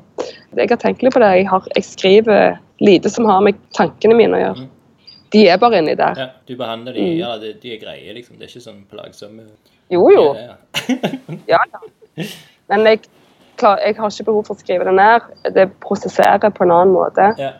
Det går altfor seint å skrive Altså, ikke sånn at det Men, men jeg syns altså, det med skrift og sånn òg er liksom Å skrive blir jeg veldig Altså, det er veldig rodig når jeg skriver. Det er ikke noe Jeg prøver liksom alltid å begynne. Hvis jeg skal skrive ned noe, så blir det veldig fort kaotisk på arket. Mm. Nei, men jeg har ikke sånn, jeg har ikke begynne oppe på venstre og så skrive beint ut nedover. Liksom, linje for linje. Det er altfor seint, og det går for tregt. Og jeg liksom Det funker ikke sånn. Jeg, det blir fort et slags mer kart med piler og okay, ja. ord, og så skifter jeg ofte skrift. Alt etter sånn. Og, og litt sånn hvordan er, hvis, det er tusj eller blyant eller, eller penn, så varierer det er ikke alltid jeg forstår hva jeg har skrevet. Eller det er liksom, det er sånn, for meg er det sånn huskelister. Jeg skriver lister liksom, hva jeg skal huske. Det er jeg veldig god på. Eller så husker jeg det ikke. OK, så du har ikke sånn eh, minneslott i hodet? Nei. Jo, eller sånn, nei, men jeg er veldig, hvis jeg, jeg har sånn ark, så skriver jeg med veldig stor skrift hva jeg skal gjøre. Ja, OK, ja, men det er bra. De kan både være kortsiktige og langsiktige. Noen ganger så er det liksom hva jeg skal gjøre i løpet av en dag, men jeg må skrive det ganske stort. Og så visste jeg, alle hva jeg skal gjøre i løpet av de neste månedene, liksom. Så du har kalender? Ja. Ja, det kan bli Men jeg har jo kalender på Mac-en òg, da. Den er veldig organisert. Ja, men det Men, eh, men, men jeg liker av og til å bare ha det på et ark òg. Forstår du hva jeg mener? mm, mm. Ja, det var Nei, litt sånn ja. spredd. Men, bra. Hvis du skriver den ned og liksom kan stre- streke ut på en måte. Ja, sånn, ja. Ja, ja, det er fint. Det liker jeg veldig godt. Det er veldig sånn godt. Jeg tok, og jeg satte meg faktisk ned eh, en halvtime før og tenkte liksom eh, Mest pga. at vi aldri har hatt en samtale før. At det liksom, jeg måtte liksom Ja. skrive ned noen stikkord i tilfelle liksom samtalen datt ut, eller Men det går Ja. jo supert bra, liksom. Det er Ja. jo kjempegøy. Ja, det er veldig koselig. Jeg sitter her og ser på folk som bygger et nytt bygg der borte, og okay. hører på fuglene og snakker med dem. Koselig. Når vi er litt inne på kunsten din og sånn, har du liksom eh, Hvordan er det du jobber med kunst, da? Hvis du ikke skriver ned tanker, og du bare tenker Altså, det, det jeg fikk litt ut av etter at du plutselig Ja, nei, nå skal jeg lage maleri på lerret. Eller Mm. Hvordan er det? Ja, ja. Har du en, liksom en, eh, en, en eh, prosess eller en måte å jobbe på? Ja, jeg har tenkt litt på at jeg tror at jeg er nok eh, lagt sånn at, eller sånn som kunstner, at jeg liker å prøve ut nye materialer eller teknikker hele veien. Yeah. Ikke, um, for jeg har jo sånn et slags overliggende tema for alt jeg gjør. Så, okay. sånn, uansett hva jeg gjør, så handler det om det samme. Men det gir seg utslag i forskjellige materialer fordi at jeg, jeg jobber veldig mye med materialiteten i ting. Altså det jeg liker å se hvordan materialet reagerer eller funker sammen, eller hvordan f.eks. maling reagerer forskjellig på lerret og papir. Og det er jo ikke bare for det eksperimentet sin skyld, men det er jo hvordan, hvordan det ser ut og hvordan det utvikler seg. Og jeg liker å se og være i sånne prosesser. Mm. Sånn at jeg skifter jo mye. Jeg, sånn jeg jobber jo både med tegning, og så jobber jeg med maling, og så jobber jeg med tegning på papir, og så jobber jeg med gjerne maling på papir, men så bytter jeg over til maling på lerret, og så gjerne tilbake igjen på papir. Og så har jeg lyst eksempel å prøve å male på, på vegg eller på mur, eller så jobber jeg skulpturelt med materialer jeg har funnet, eller som jeg anskaffer meg. Sånn at det, jeg blir på en måte generelt òg inspirert av at jeg ser gjerne et materiale, og så tenker jeg at det må jeg teste ut. Ja. Men det overliggende temaet, kan du utdype det? Ja, det er jo en, egentlig det handler om det som ikke lar seg gripe helt, da. Som er universelt. Mm. Altså Når jeg snakker om materialene og sånn òg, da, Mm. så er det jo fordi at jeg Altså jeg jobber jo i et veldig sånn abstrakt formspråk. Mm. Men for meg så er ikke det å jobbe i abstrakt med at det er liksom abstrahering av noe som egentlig ikke er abstrakt. Altså Det er ikke en sånn Det egentlig er det det er, hvis du skjønner hva jeg mener. Mm, sånn bitte litt. Altså, ja, altså at, at jeg, jeg føler ikke at jeg går sånn trinn med å la noe som ikke er abstrakt, og så abstraherer jeg det på en måte. Jeg jobber med det som er på en måte abstrakt i, i eksistensen, Mm. i tilværelsen. Sånn det som du på en måte ikke kan helt gripe. Men jeg, det kan jo være både internt, altså inni, inni en slags eh, altså i, Innkapsla i, i mennesket og i, i liksom kjernen av, av den form for eksistens. Og det kan òg være det universelle og gjerne sånn en lengsel i forhold til det. da. Og da når jeg jobber med materialer, så ønsker jeg jo så materialiserer jeg jo det. på en måte. Så jeg liker på en måte å si at jeg jobber med å materialisere, materialisere det som Eller fange på en måte øyeblikk av det som er ugripelig. da. Kult. Eller sånn som f.eks. prosjektet mitt på Sørlyst, Mm. som jeg hørte du var inne på med Ingeborg òg. Mm. Eh, em, der jeg på en måte lar materialene, altså de tekstilene som jeg valgte å installere der ute i en sånn sammenheng eller komposisjon, jeg valgte jo å la de egentlig fange det som ikke ser, altså eh, vinden der ute, eller, Mm. eller pusten av Jeg liker å kalle det pusten, men det er jo en slags synliggjøring eller en tilstedeværelse av det som egentlig er vær, altså naturens eh, tilstedeværelse, da. Ja, for det var jo Som- det som var veldig interessant også med den, det var at du Når du presenterte det, så var det jo mye vinden, og liksom Ja. hvordan den formte Ja. eh, ut, Eller kunsten Ja. og sånn. Og så begynte det å regne veldig mye. Da ble det jo noe helt annet igjen. Da ble det noe helt nytt kunstverk.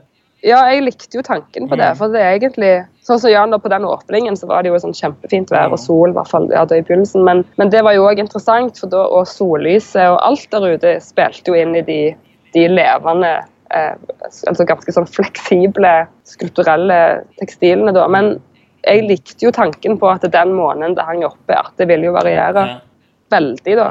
Fra sekund til sekund, egentlig. Og hvordan stemningen ville forandre seg og definere hvordan verket der ute ville være. Sånn at jeg visste jo at hvis det var mye regn, så ville jo de bare henge helt på en annen måte. De ville ta opp i seg at de ville forandre, de forandrer jo òg fargen. Og, altså, jeg var jo ute og henta det og var litt spent på hvordan det ville se ut. Og det var Noe av det var jo revna, f.eks. Noe var veldig falma eh, og veldig prega av å ha vært der ute. Så jeg, jeg syns jo at det var en sånn interessant måte å la de ta opp i seg en nesten, nesten være en sånn tips, tidskapsel da, Mm. på et tidsrom akkurat der. Hvor lenge var de der? Jeg tror jeg var, tok de ned etter fire-fem uker. Ja. Var du innom ofte da og dokumenterte? Sånn? Nei, jeg var ikke det.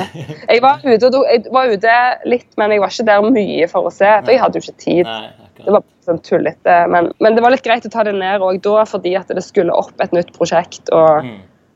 og det var liksom ikke rett at det hang der oppe når andre skulle opp og finne et sted å ha sin, sin kunst. Og, ja. Men jeg føler det var liksom nok, nok tid allikevel til prosjektet Mm. sin, sin, eller hva, det, hva jeg ville med det. Han var gjennom Men- alle, alle vær.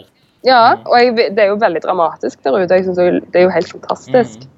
Eh, og når jeg var ute og installerte den dagen jeg jobba med det, eller de dagene jeg holdt på med det, Mm. så var det enormt mye vind. Så da var jo mange av de hang jo De flagra jo horisontalt, liksom. Og det var jo òg fint å se. Ja. Det var gjorde jeg da, men jeg har jo også, Da er jeg òg veldig opptatt av det i, når jeg jobber f.eks. todimensjonalt med maling på papir Mm. så, jeg, så er jeg veldig opptatt av den, på en måte, den lettheten eller nerver som skjer akkurat når jeg gjør det. Mm. Og at det må ha en sånn nesten mangel på eh, At jeg må være i nesten som Jeg må være veldig til stede, men jeg må stoppe akkurat når det liksom er nok. Eh, og la det liksom tørke og bli ferdig, og så ligger det der. Og så må jeg se om det på en måte Om det er noe. Det føles selv når du vet at nå, det, nå kan jeg stoppe, eller? Ja, det er jo ganske krev eller slitsomt. Og jeg, jeg gjør, går jo av og til for langt, da, så gjør jeg mer enn jeg burde, og så ødelegger jeg det. Og så liksom, fuck det. Gjorde jeg en, ett lite strøk for mye, eller en Ja.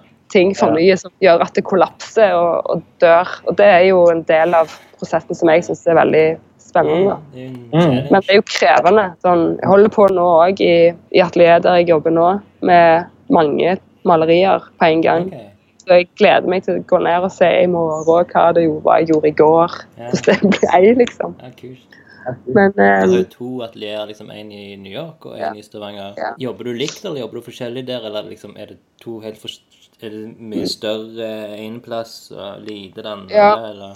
Det er veldig nytt det å ha atelier her. Mm. faktisk sånn å ha eget. For jeg har jo øh, vært her i mange år, men jeg har jobba en del hjemmefra, og det er ikke ideelt. Nei. Det er li, li, for liten leilighet. Og, og jeg har øh, lånt en del studio til kolleger og sånn, men, men nå eh, i sommer så har jeg funnet et sted som jeg leier hele juli, Mm. av to, to andre et, som jobber i samme studio. Så det er liksom Jeg har gulv og ganske mye veggplass, men det er, et, det er jo et, da i et rom med andre òg som holder på. Okay, ja. Så, da, så det, er liksom, det er ikke helt mitt ennå, føler jeg, fordi jeg har liksom eh, ja, brakt med meg materialer og litt sånn ting som jeg trenger og sånn, men jeg har liksom ikke masse ting som er mitt og bøker og Ja, sånn, ja. greier mi, liksom. Men, men det er greit, fordi jeg skal liksom inn og gjøre en del ting som jeg har lyst til å prøve ut. Men det som er fint med det, er at jeg, når jeg da er tilbake igjen, så kan jeg fortsette å komme tilbake til de og leie av de. Altså det er liksom, Jeg trenger ikke å ha fulltids um, atelier her. Nei. Og det er egentlig veldig bra, for det er så enormt dyrt. Okay. Så sånn sett så er jo hoved, akkurat nå så er jo som hovedatelieret mitt det er jo i Stavanger. Der har jeg gjerne mest uh, ting og lagring av verk og rot. Veldig mye rot, men, eller sånn, men, men liksom opparbeida eh, atelier. Mens her er det nok litt mer sånn at jeg kommer og går med det, det jeg trenger. Men det er egentlig veldig deilig, Mm. for det, da kjøper jeg med meg det jeg vil jobbe med, og så har er det bare det jeg har. Så det, det funker veldig bra så langt. Ja. Men uh, Så hele juli to uker til, da. Ja. Har du liksom satt opp en sånn eh, tidsperspektiv på hva At du skal få noe klart eller ferdig, eller er det liksom bare eksperimentering? Altså nå i, i Ja, jeg har noen, jeg har også noen svære tegninger, som jeg jobber, noen sirkler som jeg jobber med, som jeg har holdt med en god stund, eller alltid. Mm. De er ganske store, tar tid, så jeg har lyst til å få de ferdig. Mm. Så har jeg, noen, har jeg liksom en idé om å få opp et volum på, på malerier som er sånn ca. A2, så jeg vil ha mange av. Okay. Ja.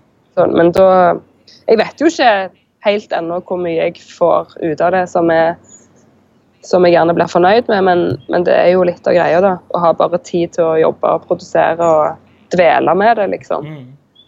Og det er jo ofte utfordringen generelt som kunstner, er jo å få tid til å se hva det er og hva det blir, og tenke eh, og vurdere. Og ikke prøve å forte seg, liksom. Ja. For det kan være destruktivt. Så jeg har jo jobba òg med prosjekter eh, her og òg i Miami, der jeg gjerne har skulle ha utstilling, men så har jeg brukt altså gallerirommet da, som et atelier. Mm. Så jeg, har jo, jeg jobber jo, eller i hvert fall har til nå jobba veldig sånn at jeg eh, Hvis jeg har en utstilling eller et, et rom, så jobber jeg veldig spesifikt Mm. med, med det. Sånn at eh, jeg har gjerne samla ting med meg inn og har jobba med komposisjon i rommet. For jeg jobber jo òg tillegg til tekstil som sølust f.eks. Sånn, så har jeg òg jobba ganske mye med marmor og sånn, av, sånn rester av sånne ting Ja. som jeg har dratt med meg inn og holdt på med og lagt komposisjoner av. Så da har liksom tilstedeværelsen i, i gallerirommene vært atelieret mitt. ja. Det er jo en veldig fin måte. Litt sånn som vi gjør i Prosjekt Ron Hormanns òg. Det er jo folk som jobber sånn der òg. Mm. Så du, du på en måte tar med deg det du vil, eller har en intensjon om, og så jobber en med utvalg og, og tar vekk ting og legger til ting og, og sånn. Men eh, vi kan jo eh, avslutte med den siste faste innslaget, siden vi, vi er så flinke Ja. til å holde oss til innslaget i dag. Så det er selvskryt. Ja. Det er på høy tid. Jeg må få det ut. Er så lik, jeg er så god Så interessant som person. Jeg må skryte. Selvskryt. Selvskryt. Hva, hva tenker du om det? Nei, det er vanskelig. Eh, Det kan òg være lunken selvskryt. Ja, det kan være lunken. Mm. Der, uh... At det kan være litt sånn nedpå. Ja, etter det, eller, ja, Eh. eh, for et eksempel jeg pleier å ta, det at jeg har brukt eh, det å ta på sokkene, liksom. At det er min Ja, det er god til det. Ja. Er du god til det? Nei, jeg liker ikke å ha stokker på. Gjør du ikke det? Jeg Nei? liker Nei. Hvis jeg kan gå barbeint, så gjør jeg det. Ja. Ikke, altså, ikke ute, da, men jeg liksom Dårlig på å ta Hjemme. sokker på rett og rundt hjemme, hvis jeg kan jeg liksom ha sokker, det er veldig klaustrofobisk. Ja. Jeg forstår. Men eh, ja, Jeg forstår det. jeg er flink til å ta inn og ut av oppvaskmaskinen. Men, Nei da, eh, men eh, jeg tror at jeg er ganske flink til å få folk til å føle seg vel, faktisk. Altså, til å, og at jeg, det er ekte. Jeg er ikke fake. Altså at jeg er flink til å høre på folk, eller at jeg får eh, Jeg tror jeg innbiller meg iallfall det. ja. Men det må jo du bedømme. Det er bare kjekt å snakke med deg. Ja, like. Nei, men, men det er sant, det er ikke Det er liksom Jeg liker jo liksom at jeg syns det er bra viktig med god stemning, at folk er trygge på meg, liksom. Men eh, det er jo noe òg som jeg faktisk har tenkt litt på. Nå har jo ikke jeg vært på alle Prosjektrom Nordmann sine utstillinger, men er det, er det du som pleier å introdusere mest og snakke om, eller sånn? Det deler vi på, meg og Elin. Det er alt, altså Det kan jo være enten eh, kan det være at en av oss som har en sterkere relasjon altså det, liksom, det begynte med at jeg, kjente den og den, eller de og de, eller så har hun kanskje en historie som gjør at vi inviterte. Så det går litt på det. Har dere en fast tid? At det er sånn OK, nå hvert over, eller Eller ser dere Nei. an?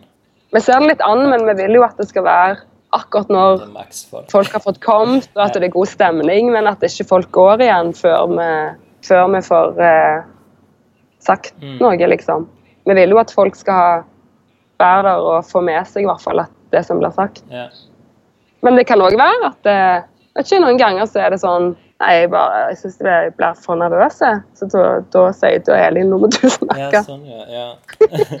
Det kan skje motsatt. Ikke, ikke nervøse, men at det kan bare bli litt sånn mye. Ja. Det kan bli litt voldsomt. For det er jo Jeg hater i utgangspunktet intenst å stå foran folk og snakke. Det er jeg ikke komfortabel med. Sånn det, men jeg klarer det i prosjektet om Nordmann. Ja.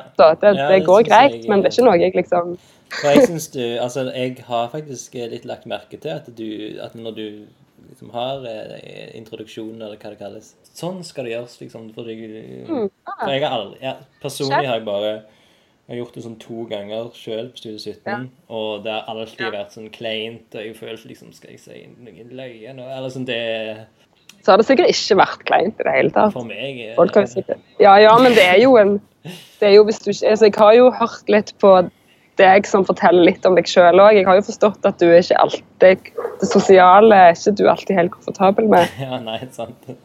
Altså, det er jo, Og det kan jo være skikkelig stress. Mm. Jeg, jeg syns det er viktig å introdusere folk til hverandre når man møtes. Mm. altså, og det, det er kanskje litt sånn the American way, men, jeg, men det å også liksom Når man står sammen og snakker, og det kommer en ny person inn i, i samtalen, Ja. sånn, så er det viktig, veldig viktig å forklare at dette er den og den, og sånn og sånn, og, og la folk snakke sammen og introdusere. Det er jo veldig normalt her borte. Ja. Og jeg syns det er en veldig fin ting, for da inkluderer man folk, så, kan de, vis- vet folk hvem folk er. Det er ubehagelig å komme til en samtale, aldri blitt liksom introdusert, så står det bare der. Det er liksom sånne ting synes jeg er Jeg tror jeg er ganske god på de tingene, da. Å involvere folk i en samtale og få til Men det, det er jo det jeg òg har merket med Ja, så kjekt, da. Så ja, veldig Men det, er jo, det, det kommer jo av at man vil jo at ting skal være gøy. Men da, eh, aller sist nå, så pleier jeg av og til å ta en eh, eh, Er det noe du vil promotere? Et eller annet som du liker, eller noe som folk bør sjekke ut? Eller hva skjer med deg videre nå?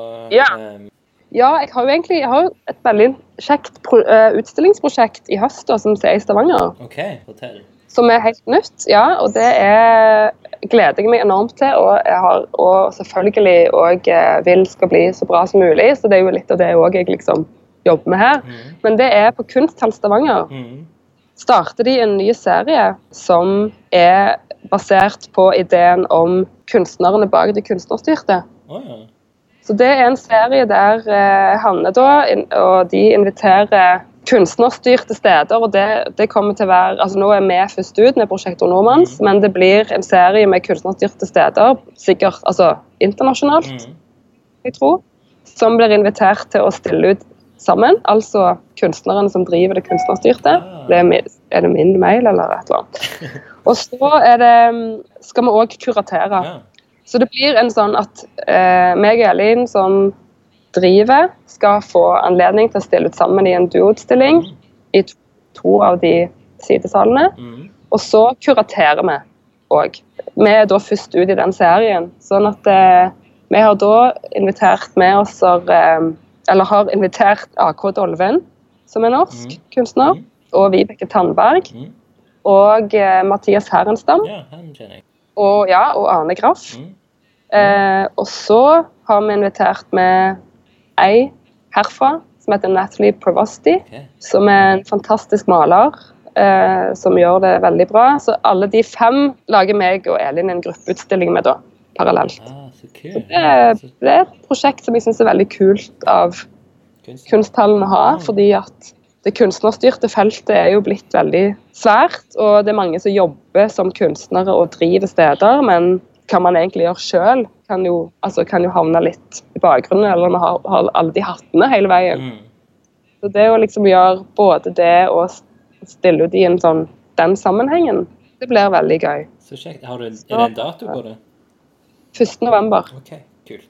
Mm. Så det er offentlig. Det ligger ute på både Det ligger ute på nettsidene til Kunsthallen. Okay, så sjekk det ut. Så ja, så det er meg og Elin har, jo invitert kunstnere som vi virkelig, virkelig har lyst til å få med, og som vi digger, og som, har, som virkelig er veldig imponert over kunstnerskapene til. Og så har det, salig ja. Så det var veldig gøy. Ja, så kjekt. da. Ja. Så, men det er jo, da er det jo kuratering og det å utvikle egne verk som er prosessen fram mot 1. november. Mm. Dagens reklame. ja, nei, veldig bra. Eh, Ja. Det gleder jeg meg til. Men eh, da tror jeg vi må avslutte. Ja. Eh, begynner det å regne. begynner det å regne? Ja. Sånn kokevarmt, og så regne. Det skal begynne å tordne òg snart nå. Da er det, Ja, det er skikkelig Indian summer her, altså. Da er det uvær, som jeg kaller episoden. i- Det er uvæder, det passer kjempebra. Du må kjenne på elementene. Ja. Men eh, da sier jeg tusen hjertelig takk, eh, Ja. Grete Aanestad. I like måte. Det var superhyggelig å snakke med i deg. like måte. Takk for i dag. Kaffe, kaffe, ja. Den blitt knapp. Nå er det over for i dag.